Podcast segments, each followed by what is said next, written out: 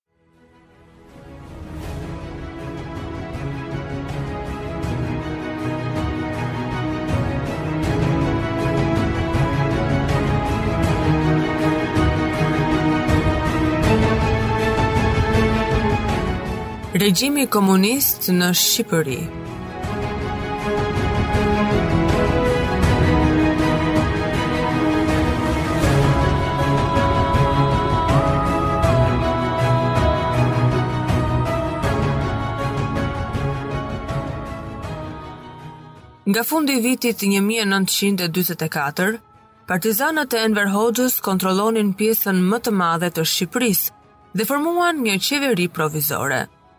Komunistët mbajtën në dhjetor të vitit 1945 zgjedhjet me një listë të vetme kandidatësh dhe në janar të vitit 1946 e shpallën Shqipërinë Republikë dhe me Enver Hoxhën kryeministër.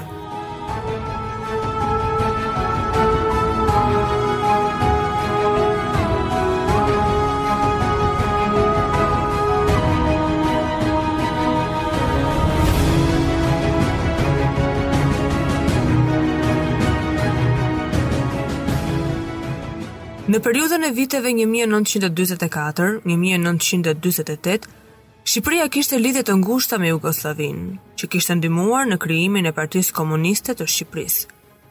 Pas prishjes së Titos me Stalinin, Shqipëria u bë aleat i ngushtë i BRSS. Mosmiratimi nga Shqipëria i procesit të destabilizimit dhe afrimit sovjeto-jugosllav çoi në vitin 1961 në prishjen mes Tiranës dhe Moskës.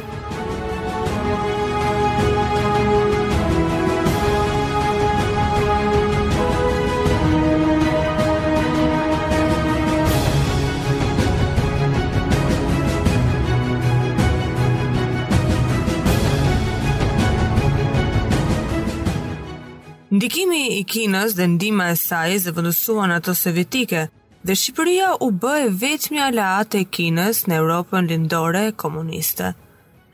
Shqipëria u tërhoq nga veprimtaria e Këshillit të Ndihmës Ekonomike Reciproke dhe pas pushtimit sovjetik të Çekosllovakisë në vitin 1968 u tërhoq edhe nga Organizata e Traktatit të Varshavës. Vazhdimi i armiqësisë me sovjetikët dhe izolimi i Shqipërisë e shtynë regjimin e Enver Hoxhës që vitet e para 1970 të bënte një farë hapje ndaj Jugosllavisë fqinje, Greqisë dhe Italisë. Aleanca me Kinën zgjati deri në vitin 1977, kur Hoxha i prishi lidhjet si protestë ndaj liberalizimit të Kinës dhe afrimit të saj me SHBA-në.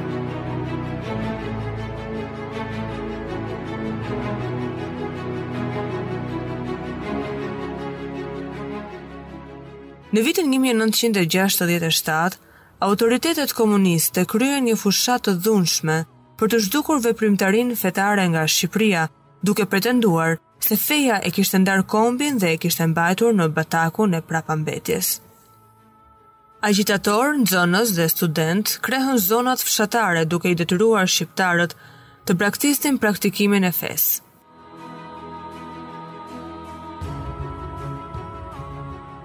Megjithë ankimet që nuk munguan, as edhe nga anëtarë të partisë së punës, nga fundi i vitit Të gjitha kishat, xhamitë, manastiret dhe institucionet e tjera fetare u mbyllën dhe u kthyen në magazina, palestra apo punishte. Fushata kulmoi me një deklaratë se Shqipëria ishte bërë i vetmi vend ateist në botë, që Enver Hoxha përpiqej ta shiste si një akt heroik. dhe një nga arritjet më të mëdha të tij.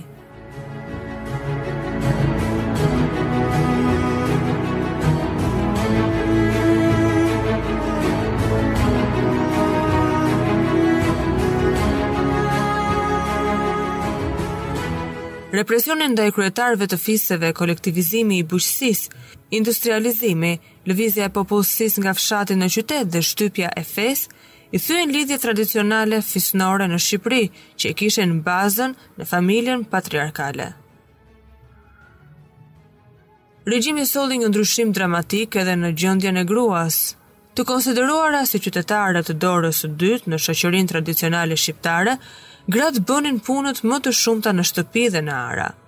Para luftës së dytë botërore, rreth 90 për qind e grave shqiptare ishin analfabete dhe në shumë zona ato konsideroheshin thjesht plaçkë sipas ligjeve të lashta fisnore.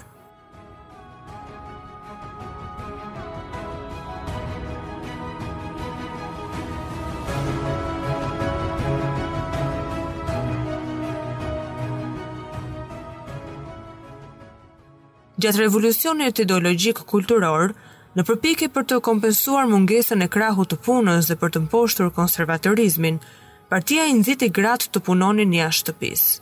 Hoxha vetë deklaroi se kushdo që shkelte urdhrat e partisë për të drejtat e gruas do të digjej me zjarr e me hekur.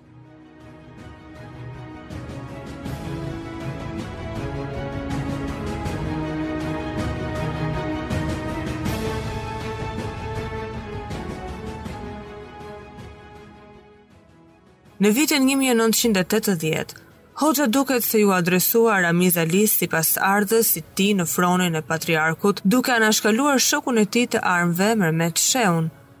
Ai u përpoq që të bindte Shehun të hiqej mënjanë, por nuk e arriti qëllimin. Ngriti kundër gjithë Byronë Politike që e kritikoi rëndë se kishte lejuar fejesën e djalit të tij me një vajzë me biografi të keqe. Shehu u tha se vrau veten në 18 dhjetor të vitit 1981, Por ka pasur gjithnjë dyshime që ai është eliminuar.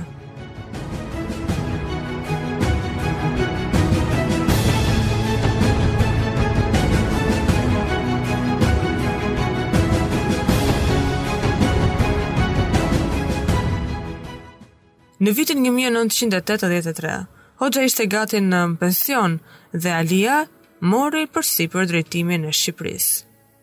Kur Hoxha vdiq në 11 prill të vitit 1985, ai i la Shqipërisë një trashëgimi represioni, prapambetje teknologjike, izolim dhe frikë nga bota e jashtme.